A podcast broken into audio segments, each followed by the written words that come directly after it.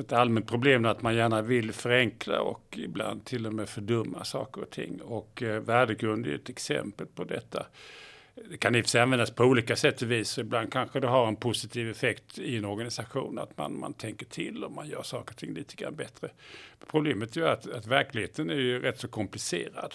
Och det går liksom inte att trycka in den här i, i tre, fyra positivt laddade ord.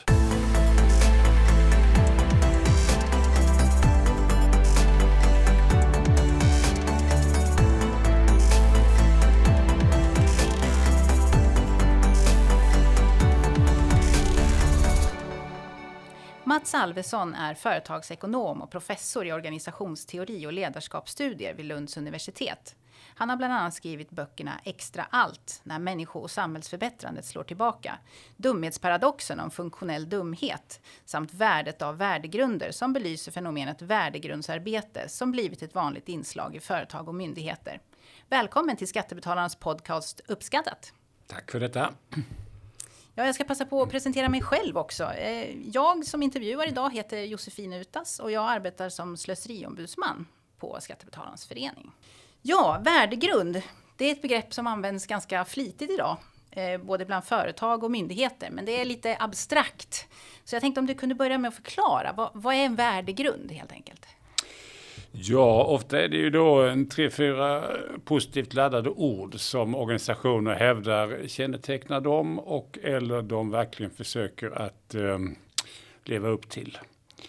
Eh, sen exakt vad det innebär, det är nog rätt så varierande. Men, men kärnan är alltså att ett, ett antal positiva uttryck som man gärna då lyfter fram och menar att man vägleds av i sin praktik. Mm. Okej. Okay. Vad finns det för problem med det här? Det är ju någonting som du har problematiserat i dina böcker och i din forskning med, med värdegrunder. Alltså ett allmänt problem är att man gärna vill förenkla och ibland till och med fördumma saker och ting. Och eh, värdegrund är ett exempel på detta. Det kan i och för sig användas på olika sätt och vis. Ibland kanske det har en positiv effekt i en organisation att man, man tänker till och man gör saker och ting lite grann bättre. Problemet är ju att, att verkligheten är ju rätt så komplicerad. Och det går liksom inte att trycka in den här i, i tre, fyra positivt laddade ord. Eh, det, det blir helt, enkelt väldigt konstigt i de flesta tillfällen. Mm, det kanske beror lite grann på hur man använder de där värdegrundsorden. Ja, man, allt kan användas mer eller mindre konstigt eller positivt. Men, men vad som händer där är ju ofta att, att eh, folk, det, blir, det blir liksom positivt laddat. Det blir väldigt vagt och då, då kan, man, kan det ju användas nästan hur som helst. Och det är ju inget bra sätt att få, få liksom ordning och styrning och ledning på verksamhet. Man har ord som är så pass eh, mångtydiga, fluffiga och vaga. Och sen har den här lite konstiga positiva laddningen så ingen kan ju vara emot det här. Och kan man inte vara emot någonting så är det ju ingen bra, det är inget bra inspel när det gäller tänka till och vara lite skarp i sitt förhållningssätt. Utan det blir vad jag kallar för um, lallande positivitet mm. ofta. Alltså vagt och positivt och lite flummigt och till inte ett förpliktigande. Det vill säga det är inte så mycket styrning i det då med andra ord? Nej, det är nog svårt att använda det här på ett sätt som gör att man får, får, får, får liksom styrning och ordentlig sammanhållning eller, eller ja, någon klar riktning i vad man håller på med. Mm. Jag sa ju i inledningen det här med att det är vanligt att tala om värdegrund idag. Men fanns det värdegrund tidigare eller är det nytt? Ja, det har alltid funnits och finns väl fortfarande någon slags eh, ja, moral eller prioriteringar eller normer eller vad man nu vill eh, som, som ehm, kännetecknar arbetsplatsorganisationer och samhällen. Ibland har man också organisationskulturer som, som på något sätt eh, bildas och som har ofta en styrande effekt. Men det är ju ofta något annat än värdegrund. Värdegrund är liksom rätt så förenklat, det är rätt så pedagogiskt, det låter bra, det är väldigt explicit. Organisationskulturer är ju mer sammansatta, ofta är är det delvis omedvetna inslag. Man tar det här för givet. Det, det, det är mycket mer liksom komplicerat och, och, eh, och styrande på, på rikare eh, sätt eh, som gör att det verkligen blir någon slags styrningseffekt. Men det är rätt annorlunda än det här värdegrundspratet som, som ofta blir lite, ja, rätt så ytligt. Mm. Eh, ibland så talas det om, om woke kapitalism som väl i korthet kan sägas vara ungefär när företag säljer produkter eller tjänster men också har starka ideologiska budskap kopplade till dem. Och det är lite besläktat med värdegrundsfrågor. Men om man tänker sig ett företag som bygger en identitet runt sin värdegrund och att den identiteten bidrar till att skapa ett ekonomiskt värde. Är det då dåligt? Är det fel? Eller är det alltid fel med greenwashing och pinkwashing? Nej, det är inte fel med, med om man nu verkligen står för något så, som eh, är då, har substans och, och genuint och, och eh, liksom någon klar, klar idé, klar inriktning. Och det här kan man ju hålla på med och så kan man ju då kanske förstärka det här med vissa, viss prat kring detta. Så det behöver inte vara fel. Och det finns ju då företag som är väldigt distinkta och där man kan se att organisationskulturen eh, stödjer idén och där kanske vissa värdeuttryck då eh, eh, eh, med och, och ytterligare är lite support åt just detta. Men, eh, men, men, men det är ett mindre antal företag. De flesta är ju liksom rätt så vaga och har du någon kommun eller någon myndighet eller så där så är det ju knappast något som kännetecknas av just det som kanske utmärker då Apple eller eh, Ikea som man ofta tar exempel på sådana här organisationer. Eller de som har en väldigt tydlig etisk inriktning, typ då Oatly eller, eller, eller, eller något annat. Men det är en minoritet av alla företag. Och ibland är det nog på det sättet också att ju, ungefär som Margaret Thatcher sa tror jag, om du verkligen har makt behöver du inte prata så där oerhört mycket om det. Mm. Finns det kulturer som, som genomsyrar en verksamhet, värderingar som är centrala, du behöver liksom inte lyfta fram det här i tid och otid. Eh, så, så eh, ja, det är stor variation kring hur det här funkar. Men i normalfallet så tycker jag det kan finnas skäl att vara lite skeptisk. Mm. Man kan säga att det skiljer sig ganska mycket mellan olika företag och vad de producerar. Om man tittar på till exempel kommuner. De är ju ganska lika ändå, alltså i vad de ska producera och ge service till medborgarna och så där. Så där finns inte lika stora skillnader. Men det skiljer sig ändå i deras värdegrunder om man tittar på dem. Ja, eh, på värdegrundsplanet eh, så, så, så, kan det se väldigt olika ut. Det kan ju framstå som att, att kommuner är närmast totalt artskilda.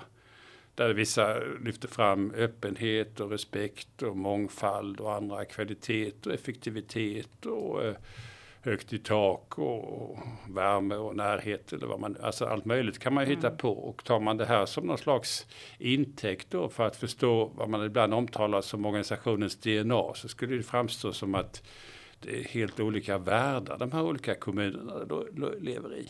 Mm. Så är ju inte fallet, utan det här blir väldigt mycket på någon sån här kommunikationsvarumärkes eh, eller organisatorisk ego-boosting nivå. Alltså att man gärna vill lyfta fram hur liksom duktig och fantastisk och unik man är. Men, men det blir ofta rätt så, i värsta fall, lite förljuget. Mm. Lite putsa på bilden där. Ja. För kommunerna. Precis. Men, och, min nästa fråga var just varför, varför, de, varför de gör sånt här, alltså kommuner och myndigheter och så vidare. Alltså vad, vad tror du?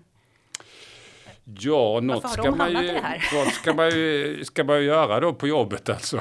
Och, och en del eh, arbete som verkligen leder till, till eh, något vettigt. Det kan ju vara lite tråkigt och jobbigt och besvärligt, typ eh, äldreomsorg och annan socialtjänst, skola. Och, Eh, företag, produktion och masservice och vad de flesta håller på med. Det här liksom låter lite roligare och lite häftigare och det är ju del som gärna tar till sig arbetsuppgifter eller håller på med arbetsuppgifter som, som, som, som då eh, ja, verkar lite roliga och lite lättsamma och trevliga och sådär. Så det är väl en drivkraft. Sen är ju det här med, med, med varumärkandet, det blir mer viktigt att alla tror vi att vi måste kommunicera så förbaskat mycket om vad vi håller på med. Världen är så oerhört intresserad av detta.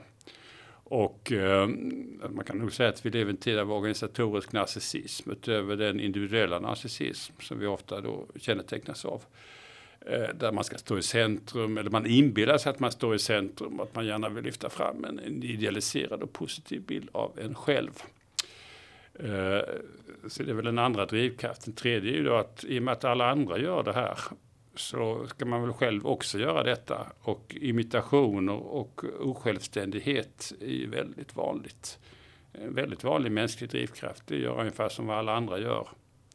Och eh, det gäller även organisationer och ledningar. Man är väldigt eh, rädd för att avvika och därför tar man det säkra för det osäkra. Och så eh, håller man på med en mängd konstigheter som egentligen görs mest därför att alla andra påstås hålla på med detta. Ja, så det låter lite grann som att skattebetalarna ändå borde vara lite oroade över när man håller på för mycket med det här med värdegrund. Alltså att vad, vad blir de negativa konsekvenserna ur ett medborgar eller skattebetalarperspektiv om man håller på för mycket Dels med tar ju det här en del resurser då. Va? Så vi har väldigt mycket där det ska vara policies och det ska vara planer, värdegrunder och varumärken. Och, och, eh, på vissa ställen så ska man ha programförklaringar kring eh, mänskliga rättigheter och vad det är för någonting. Så det är rätt mycket eskalering i uttalad godhet. Eh, så, så, som då, eh, det är flera problem. Ett problem är ju då att det här kräver en del resurser. Det är många som håller på att syssla med det här. Onödigt i många tillfällen. En annan är ju att det lätt tar lite uppmärksamheten från väsentligheter. Så både vad den konkreta praktik man håller på med de resultat man skapar. Men kärnverksamheten är ju som jag nyss nämnde inte alla gånger så där oerhört populärt utan hellre något utvecklingsprojekt eller någon fin policy eller plan eller fina ord mm. som man då gärna kommunicerar. Och det där innebär att man lätt får verksamheter som har en svag substans eller en tveksam substans men man kompenserar för det här genom, genom eh, allt det här fluffet. Så på ytan ser det ut som många organisationer, jättemycket strategier, kompetensutveckling och ledarskapsförbättringsförsök eh, och värdegrunder och, och lika behandlingsplaner och hur mycket som helst då. Va? Men, men ibland blir det ju mer någon slags eh, kompensation då för en svag praktik. Mm. Och då får man mindre för skattepengarna helt enkelt. Det får man nog säga. Mm. Ja, du skriver ju inte bara böcker och forskar utan du är ändå du, du, är ute i debatten ganska mycket i de här frågorna. Så du skriver debattartiklar och deltar i seminarier och alltså pratar om det här i offentligheten. Eh, och jag upplever att du är ganska ensam om att problematisera de här frågorna och diskutera liksom, samtidens eh, trender, så som jag ser det i alla fall. Jag är lite nyfiken på hur den här kritiken som du har, den här problematiseringen du gör, hur mottas den av, av andra, av politiker, tjänstemän? myndigheter? Mitt intryck är att de flesta håller med. Så att, att eh, jag får väldigt mycket gehör. Ett av mina favoritbegrepp som jag tillsammans med Andrew Spicer då från eh, City University of London utvecklat till funktionell dumhet. Och det innebär att man tänker i någon mening rationellt och klokt men inom en väldigt snäv referensram. Så det blir eh, alltså ett silotänk eller innanför boxen-tänk då som, som eh, låter bra. Men, men det där leder ju ofta till liksom allt för snävt och inskränkt tänkande som ställer till det. Om man ser det lite på bredare front. Ehm, och eh, det där pratar jag jätteofta om och jag får väldigt mycket gehör. Och jag vet att vår bok där, Dumhetsparadoxen, den, eh, många kommuner som har liksom gett ut den till alla deras chefer. Så jag tror att väldigt många ser att det här är genuina problem med snävtänk. Man lyder alla regler och formler, man imiterar andra, man går på det som låter tjusigt och bra. Man har en stor byråkratisk överbyggnad med folk som sysslar med rätt så onödiga saker. Eh, man kan ju se de här problemen på bred front, men det är svårare att ta sig ur detta. Så, eh, och det är klart, en del de gillar inte alls uppmaningar. Försök tänk själv, ta ansvar för vad du håller på med. Se till så att det här bidrar till ett bra resultat. Snarare än liksom bara bocka av checklistor eller följer alla de här regelverken som finns. Ehm, så eh, en del, en del liksom gillar ju det här att man inte ska behöva tänka själv utan man ska lyda ord och vara en lydig tjänsteman.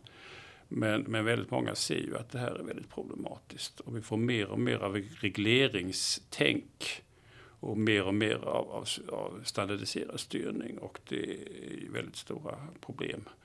Men man är liksom fastlåst i det här, man är väldigt riskminimerande. Vi blir liksom snart rädda för nästan allting, att göra formella fel, att kränka någon, att inte ha alla garantier då för en bra verksamhet i termer av ja, nu har vi liksom alla planer och policies och alla möjliga övningar och utbildningar och vad det nu är för någonting som, som gör att det möjligen blir riskminimerande. Men det blir också ofta, tänk inte efter själv, maximerande.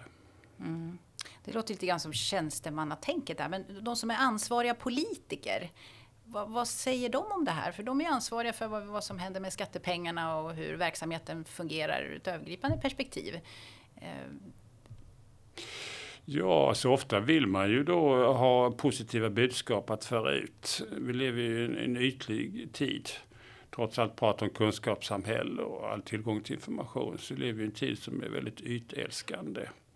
Och här är det viktigt att eh, för massmedia då 40 sekunder ha ett, ett, ett, ett liksom positivt och övertygande budskap. Och ehm, i den typen av, av liksom förytligande och fördummande kultur så passar typ värdegrundsprat väldigt in här. Tänk att du liksom kan sammanfatta en, en kultur eller vad det verkligen står för med tre, fyra ord. Wow!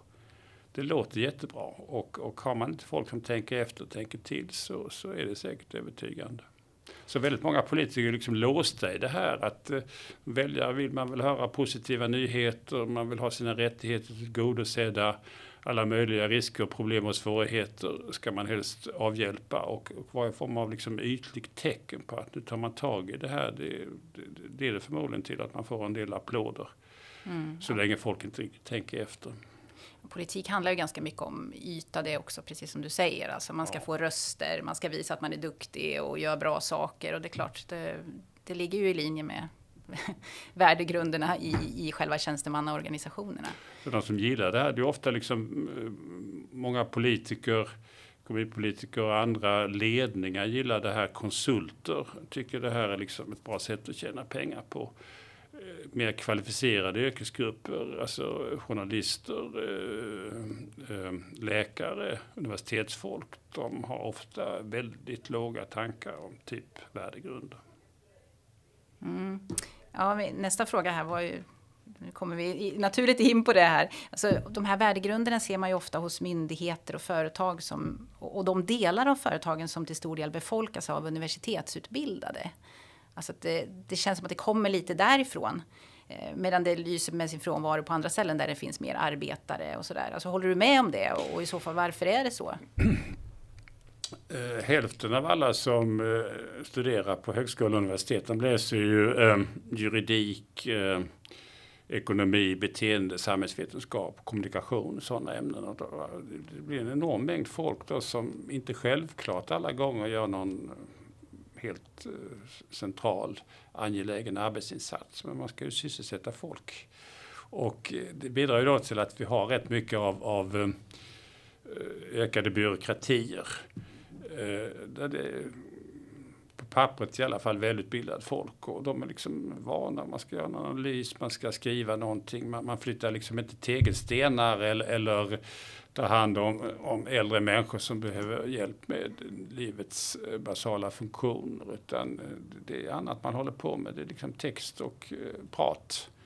Och den här liksom klassen är ju rätt så stor och växande. Och, och det gör att man, man får väldigt mycket av det här. Då liksom, ja, vad är lösningen? Skriva en handlingsplan, ordna en utbildning, eh, ha riktlinjer för vad som ska göras. Eh, kommunicera ett positivt budskap som är upplyftande. Så man får väldigt mycket i den här typen av sfär då. Och eh, det gör ju att en hel del, på pappret i alla fall, välutbildade människor men kanske inte så kritiskt eller smart tänkande alla gånger. De, de gärna anpassar sig till den här typen av eh, regim. Eh, ser du någon skillnad mellan eh, politisk höger och vänster när det gäller de här frågorna? Har man lite olika synsätt på det här med värdegrundsarbete? Ja, alltså... Eh, eh, Sverigedemokraterna tror jag inte gillar det här något vidare. De tycker det, det är illa. Jag tror också att det finns en tendens att, att eh, de som är lite mer till höger kanske inte gillar det här riktigt, alltså eh, fullt ut alla gånger. Eh, möjligen en del på vänsterskalan också kan se det här som lite grann av ett medelklassprojekt där liksom någon slags mer arbetarorientering som du var inne på tidigare här Josefin. Mm. Den, den, den, den är liksom inte i linje med att hålla på så där jättemycket med det här. Så på lite ytterkanterna så kanske man är något mer skeptisk. Kan jag tänka mig. Men, men eh, om man då på vänsterns sida gillar liksom mycket rättigheter och resurser så är ju det här i någon mening i linje då med typ värdegrunder som ju ofta är att man ska liksom vara god och fin och, och, och göra goda saker vad gäller arbetsmiljö och annat. På mer högerhållet gillar man ju ofta marknaden och kommersiella krafter och det här är också en del i en linje med ett mer ska vi säga, marknadsföringstänk. Så vi som inte är så jätteförtjusta i det här, vi har ju då liksom ibland både höger och vänsterkrafter att, att liksom lite grann kämpa emot. Mm. Ja, intressant. Ja, i, i, din bok som du har skrivit som heter Extra allt som jag har läst och uppskattat. Där presenterar du åtta stycken A-lagar Eh, alltomspännande lagar, står det där A för där, mm. Eh, som beskriver olika trender i dagens samhälle. Olika beteenden hos människor som är väldigt välvilliga men som landar lite fel. Eller kanske snarare skadar då, vi har ju varit inne på det lite grann. Eh, och det ser man ju min, inte minst i offentligheten och offentlig verksamhet. Till exempel så eh, tar du upp att eh, man eh, ofta vill bekänna sig till det goda. Alltså, du kallar det för krampaktig godhet vilket inte sällan slår tillbaka. Eller att människan har en tendens att överdriva sin hjälpsamhet så att det slår över och man snarare skälper än hjälper. Eh, eller att mycket samhället idag tenderar att, att tjusiggöra, alltså blåsa upp. Då har vi också varit inne på det här med att putsa på ytan och så. Eh, du kallar det för lagen om ballongsamhället. Jag tror att det är väldigt många som känner igen sig i det här. Det är en väldigt bra sammanfattning tycker jag, hela de här de åtta lagarna. Och jag tror många känner igen sig, jag känner igen mig i det där. Eh, att jag ser det runt omkring. Eh, alltså varför är det så här? Varför har det blivit så här i vår tid? Har du några tankar? Ja, alltså eh, vi lever i överflödssamhället där vi har enormt mycket resurser. Eh, väldigt mycket konsumtion och eh, så upplever inte folk det nödvändigtvis utan man hela tiden tycker man har lite ont om pengar, man skuldsätter sig och eh, önskar mer. Men men eh, 1958 publicerade den amerikanske ekonomen Galbraith en bok som heter The Affluent Society, överflödssamhället. Och sen, den har, sen dess har vi blivit ungefär fyra gånger så rika. Mm. Så vi lever verkligen i postöverflödssamhället. Och det är lätt att peka på det. 25 procent av all mat slängs. Eh, om man jämför då en normal eh, inkomsttagare idag med en kunglighet då för 200 år sedan. Vi ser på liksom eh, massmediautbud, resemöjligheter och, och jämföra då och köra ens i en skruttig bil med att ha ett hästspann då som 12 eh, kilometer i timmen då konkar sig fram någonstans. Så inser man ju hur oerhört hög levnadsstandard vi har idag. Mm. Och i det läget så, så ja, man får liksom förväntningar och krav och det finns resurser som gör att eh, man hamnar i lite andra typer av logiker eh, än tidigare. Så det är väl en, en drivkraft eh, kring, kring detta. Eh, och, och egentligen har väl två varianter av det hela. Dels är det då vänsterns mer rättighetstänk. Vi lever i en tid av rättighetsfundamentalism där alla har liksom rätt, som stats, för statsministern Löfven sa, alla har rätt att lyckas. Aha. Alltså det är en sak att man har liksom rätt att eh, Eh, livets nödtorft och grundläggande rättigheter. Men nu är det liksom man har rätt till att, bli godkänd på en utbildning och, och vad det nu är för någonting. Och det är väl bra med rättigheter men ibland blir det ju, redan Tage Erlander på 60-talet var ju oerhört bekymrad över de eh, ökande förväntningarnas tyranni. Så att vi hela tiden liksom kräver och förväntar oss mer och mer och mer. Och det liksom blir inte möjligt att leverera det här eh, substantiellt. Men däremot kan man leverera det på någon slags sån där prat och löftesnivå. Där det inte är förpliktigande. Så vi har väldigt mycket av rättighetsfundamentalism. Uh, och sen har vi ju då, uh, i och med att vi har kreditkortskapitalism och vi har väldigt mycket fokus från då produktion till uh, vad kallas för övertalningsekonomin. Alltså det är väldigt mycket resurser som läggs på att övertala folk. Det här behöver du, det här förtjänar du, det här måste du ha. Alltså begäret hamnar väldigt mycket i centrum. Och det gör då att marknadskrafterna drar också upp den här förväntansnivån. Och båda de här två huvudkrafterna krånglar ju till tillvaron på lite olika sätt och vis. Och det gör då att man får olika mm, överslag som den här boken Extra allt då handlar om. Typ att nu är det lagstiftning som, som ska liksom garantera allt i tillvaron. Eh, du har, har de här liksom tendenserna till ballongsamhället där väldigt mycket är då den tjusiga ytan med utfästelser och, och en mer grandios värld då som utmålas. Men det emanerar lite grann i de här två grundkrafterna som är lite för starka och som gör att vi får en tid där liksom måttfullhet och realism och, och annat kanske upplevs av folk. Men det är väldigt svårt att på den officiella arenan riktigt erkänna det här utan det blir ofta de här liksom överslagen på olika sätt och vis. Där, där just värdegrundsstuket är ju ett exempel på det här där, men organisationer och arbetslivet, det är ju som det är då. Det är fullt av folk som är lite halvkompetenta, lite halvlata och lite uttråkade på jobbet. Men här är alla så engagerade och så kompetenta och så professionella och så goda. Och, att de får känna sig goda. Och, ja, så. precis, då, va? så att det, det, blir, det blir lite konstigt. Ja. Ja, väldigt intressant. Men då eh, skulle jag gissa på att eh, du skulle svara på min nästa fråga här, det här med eh, Sverige kontra världen. Alltså det här, är det ett internationellt fenomen? Det låter som att de här sakerna som händer i Sverige, det händer också i övriga västvärlden åtminstone. Eller är det någon skillnad på liksom Sverige när det gäller de här fenomenen och andra länder? Eh, jag tror att mycket av det här är nog en generell tendens då. Eh, lite mer uttalat i välfärdssamhällen eh, kanske, men, även i, mer kommersiellt inriktade samhällen, typ USA, där det är väldigt mycket hela tiden tryck då på, på, på, på marknadsförandet och det kommersiella står i högsätet. Media genomsyras ju det här till exempel. Så, så har man lite andra varianter av det här. Men, men jag vill nog hävda att i stort sett är det liksom en, en övergripande tendens. Sen ligger väl Sverige rätt så långt eh, fram i den här så eh, en del konstigheter kanske här har, har, eh, har överdrivits och som tar sig olika typer av uttryck. Typ att vi har väldigt mycket resurser till all offentlig verksamhet. Samtidigt verkar det vara en desperat brist på resurser. Hela tiden i skola ja, och socialtjänst och alla polis och alla möjliga verksamheter. Och eh, ja, det, det är en lite konstig paradoxal situation. Men kan man kanske dra slutsatsen att har vi ännu större överflöd i Sverige då än i andra länder? Ja, alltså det, det, det är väl ungefär på samma nivå. Det skiljer väl några procent, men, men eh, man har haft överflöd i Sverige relativt länge då. Va? Och det gör ju liksom att förväntansnivå och konkurrensen då om väljare och andra om att erbjuda mer och mer eh, det blir, blir väldigt markant. Så, så det finns ju hela tiden eh, olika slags symboliska överbud som, eh, som man gärna hugger till med och som ibland i Sverige kanske är lite mer markant markanta än andra. Typ att massa utbildningar hamnar på högskolan, högskolor på universitet.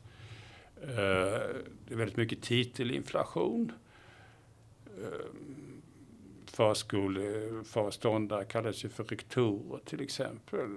Poliskonstaplar hette det en gång i tiden. Nu heter det polisinspektörer efter några år med väldigt mycket galjoner och liknande. Och det här är ju en del då att man ska liksom lite skönmåla allting och, och omel, helst tillfredsställa folks önskan om finare jobb och finare titlar och ökad status och vad det är för någonting. Och drar man det väl igång en sån där apparat så alla andra hakar ju på härvidlag. Så, eh, så man får lite nollsummespel om status och symbolik. Och, och när någon väl börjar med det här så är det svårt för andra att stå emot det här. Utan, utan då får vi en eskalering av en del av den här ska säga, symboliken eller, eller fokuset på yta och en tjusig skönmålande värld. Mm. Som eh, är rätt olycklig i grund och botten. Menar, spontant verkar ju allting jätteviktigt. Nu ska vi rekrytera mer personer till det här yrkesområdet. Ja, då ger vi dem akademisk utbildning och, och, och finare titlar och, och, forskning och annan statussymbolik. Men risken är ju att man, man urholkar själva substansen. Och vi lever i en tid där liksom yta och grandiositet hela tiden lyfts fram och annat då substans, praktik, resultat och åstadkommandet. Det tenderar lite grann att hamna i bakvattnet av allt det här. Och här är det nog så att i Sverige så har man kanske drivit det här lite längre än en del andra länder. Mm, jag tänker att Sverige är väl lite känd för det här med konsensuskultur och att man går i flock, alltså att man gör likadant. Jag vet inte om det kanske förstärker det här i Sverige, alltså att man vill göra som alla andra kommuner och man måste följa det här och, och rätta in sig i ledet. Ja, ibland framstår ju Sverige som dels rätt så standardiserad via mycket lagstiftning och regelverk och, och annat. Um, och sen så, um, så har man ju de här liksom grundläggande drivkrafterna som, som gör att, att uh, man ska erbjuda väldigt mycket och det är liksom svårt att inte ställa upp alla de här liksom tjusiga erbjudandena kring, kring att allt möjligt ska då uh, saluföras och erbjudas folk. Mm. Hur ska man göra för att komma tillbaka till en, en, bättre fungerande verksamhet? Lite effektivare sådan som fokuserar på rätt saker som inte kostar en massa onödiga pengar och, och eh, det blir onödig ja, byråkrati och att det slår tillbaka det här. Alltså vad, ja. vad kan man göra rent konkret? Det, vissa saker sk skulle man kunna göra relativt enkelt. Så det är typ att eh, när folk eh, kommer från en yrkesgrupp och sen gärna vill ha lite mer eh, bekvämt jobb, man vill bli chef eller verksamhetsstrateg eller vad, vad man nu vill för någonting. Att helt enkelt ha som krav att man får inte lämna yrket och kärnuppdraget helt utan man kanske kan jobba kvartstid. Alltså blir du rektor, du kan ju jobba en kvartstid som lärare med eleverna. Om, om du jobbar i sjukvården så, så även om du skulle få någon administrativ befattning så är det inget som hindrar egentligen om man strukturerar det här så, så, på ett sådant sätt som gör att folk måste dela av tiden jobba i vården. Och det gör att du får en annan jordförbindelse och den här liksom benägenheten till att, att eh, fly från kärnuppdraget och sen anamma en annan logik som är väldigt mycket liksom planer och policies och, och tillhöra en bättre vetande klass i förhållande till andra som, som via utbildningar och instruktioner och planer och chefskap och allt annat ska förbättra kärnverksamheten. Att den här alternativa logiken den tar inte helt överhanden utan det finns hela tiden lite mer av jordförbindelse. Mm. Förmodligen skulle en stor del av sjukvårdens eh, konstanta eh, bemanningsproblem lösas ifall alla som håller på med något annat inte kunde göra det här på, på heltid. Så det är liksom ett enkelt sätt som väldigt många samhällsproblem direkt skulle kunna då hanteras. Mm. Det kanske gäller lite liknande för politiker också. Vi har ju väldigt många heltids och karriärpolitiker som bara är politiker. Ja, det, broilerbranschen där är ju väldigt eh, populär och det kunde man ju tänka sig också att okej okay, att, att eh, du, du, du eh, eh, alltså många politiker är ju deltidspolitiker just va, men, men även om du skulle bli kommunalråd eller riksdagsledamot, ja du kanske kan i riksdagen var det ju faktiskt så tidigare att ja. det var ju inget heltidsuppdrag utan Nej. att man, man hade kvar ett jobb någon Precis. annanstans också. Så, att, så jag tror att rätt mycket skulle kunna faktiskt, alltså det finns ju de här eh, inspirationskälla till extra allt, det är då Parkinson som menar den tid det tar att utföra en arbetsuppgift står i proportion till den tid som finns att utföra en arbetsuppgift. Alltså typ om du har två timmar avsatt till ett möte, nog tusan folk till att fylla den här tiden med något prat eller med någon aktivitet. Eh, skulle det vara så att, att man som, som skolrektor då fick undervisa 6-7 timmar i veckan så skulle man nog se till att ha lite kortare, lite effektivare möten, lite verksamhetsberättelser som inte är fullt så ordrika. Hoppa över ett och annat möte med, med, med, förvaltningsledningen som man tycker är onödigt. Man skulle helt enkelt kunna göra jobbet mycket smartare och bättre. Men, men det är med att normen är då att man som rektor så ska man vara rektor på heltid. Och, och, det är mer en tendens, en allmän tendens att man blir liksom chef och, och eh, strateg eller vad man hittar på för någonting på heltid så blir det normen och så fyller man det här med innehåll. I värsta fall ser man ju till att man håller andra sysselsatta också. Här är enkäter som ska fyllas i, utbildningar som det ska gås på, handlingsplaner som ska förankras och implementeras och projekt som någon håller på och strular till tillvaron med andra för. Att det där dominerar mer och mer. Så, så det var liksom ett enkelt sätt då att faktiskt få lite eh, bättre offentlig verksamhet och säkert verksamhet också i många företag. Mm. Men om man, om man inte är chef och bestämmer över en verksamhet utan du är bara vanlig tjänsteman eller så, finns det någonting man kan göra då? Ja, jag tycker man alla har ett ansvar för en verksamhet. Det är klart, ju mer resurser du har i termer av utbildning och erfarenhet och självkänsla och, och uh, rätt klassbakgrund och vad det nu kan vara som spelar in här, desto mer ansvar har ju du då. Alltså jag har ingen formell chefsposition, men jag tycker jag har en oerhört ansvar som äldre professor med, med mycket forskningstid och, och uh, har på skattebetalarnas eh, bekostnad då, kvalificerat mig här under några decennier. Då har man ett ansvar tycker jag för att ibland försöka få universitetsledningar att eh, inte göra allt för mycket dumheter till exempel. Och, och även påverka samhället i stort. Men, men även om du är liksom på lite lägre nivå, du kan ju checka av, det här liksom rimligt? vad vi håller på med här nu, följa regler, besvara enkäter, eh, gå på, på utbildningar och vad det nu är för någonting. Eh, man kan ställa sig frågan, är det liksom här det är rimligt, är det här angeläget, vad leder det här till för någonting? Och om man då eh, har väldigt svårt att få ett vettigt svar på de här frågorna så kan man ju då ställa frågorna. Eh, vad är grunden till det här? Vad tror vi det här leder till? Och, så. och, och får man inga bra svar så kanske man ska ja, kommunicera det här rätt så tydligt. Mm. Du har ju också debatterat frågor som handlar om, om byråkrati, att vi har byggt upp en omfattande sån i samhället och särskilt i, inom offentlig verksamhet. Då. Eh, och jag har ju själv försökt som slöseriombudsmannen att sprida kännedom om det här att onödig byråkrati och administration det leder till slöseri och eh, så med skattepengar. Och många håller nog med om det här. Eh, men sen kommer ju det här steg två då, som vi pratade om nyss. Vad kan man, vad kan man göra åt det? Alltså det är inte, hur, hur, hur gör man för att minska byråkrati och administration som är ett särskilt problem här?